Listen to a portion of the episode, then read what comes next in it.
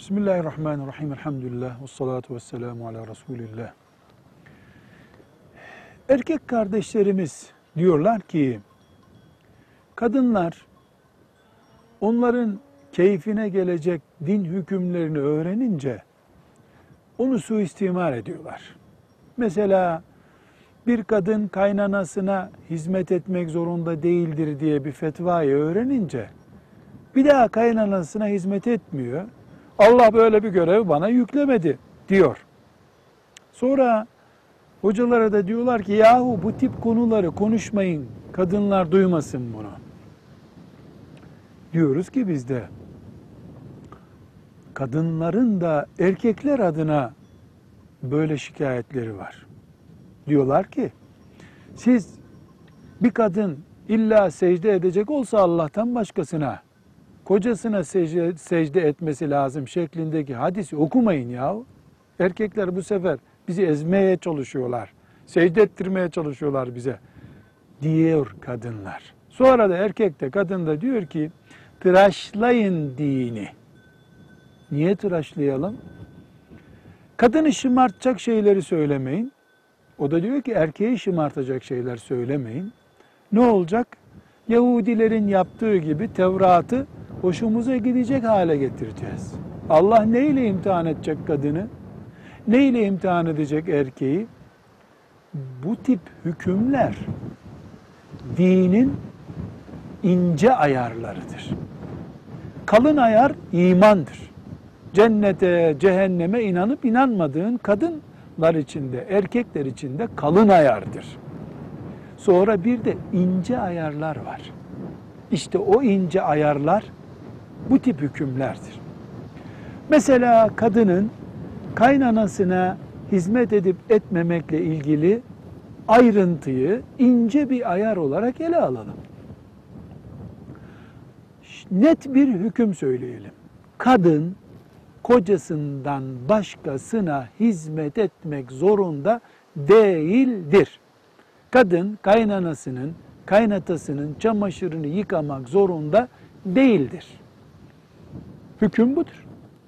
Çünkü nikah akdi erkeğin cinsel ve bedensel ihtiyaçlarını görme üzerine kuruludur. Ama kadın erkeğin bütün ihtiyaçlarına yüzde yüz cevap vermek zorundadır.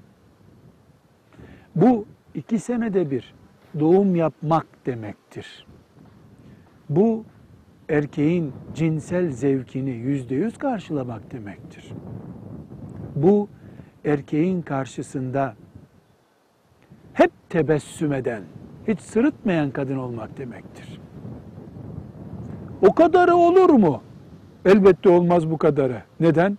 İnsansın nihayetinde. Bunu yapacak olsan plastik olman gerekir.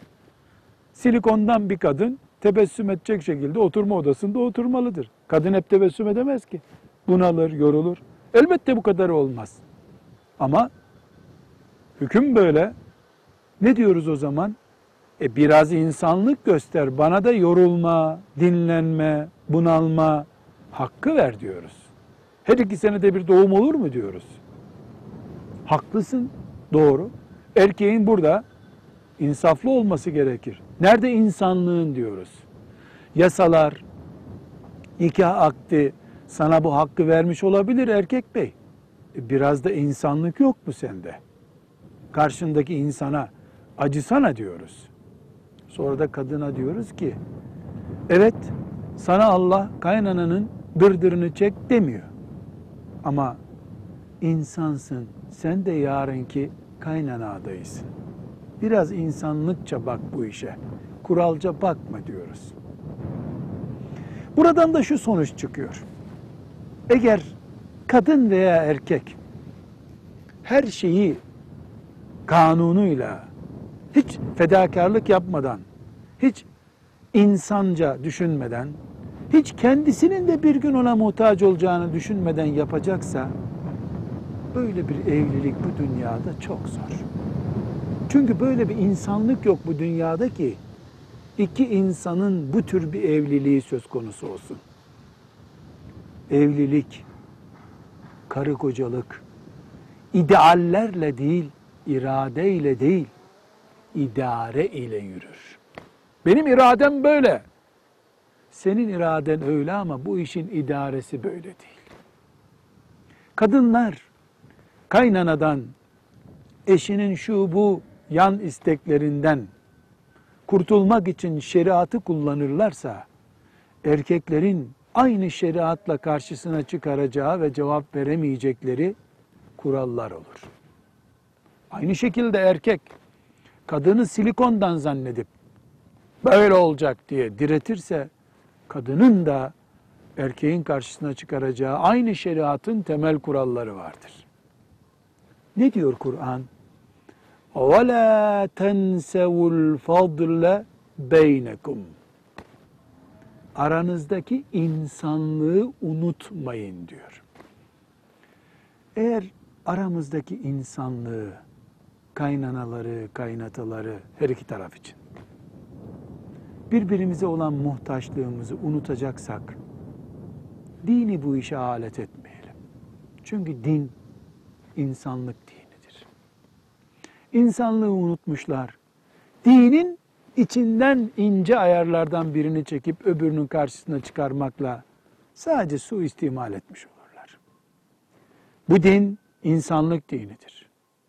İnsana gelmiştir. Melek değiliz, cin de değiliz.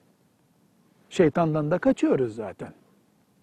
İnsanlığımızı unuttuğumuz yerde dindarlığımızın ne değeri olacak? Velhamdülillahi Rabbil Alemin.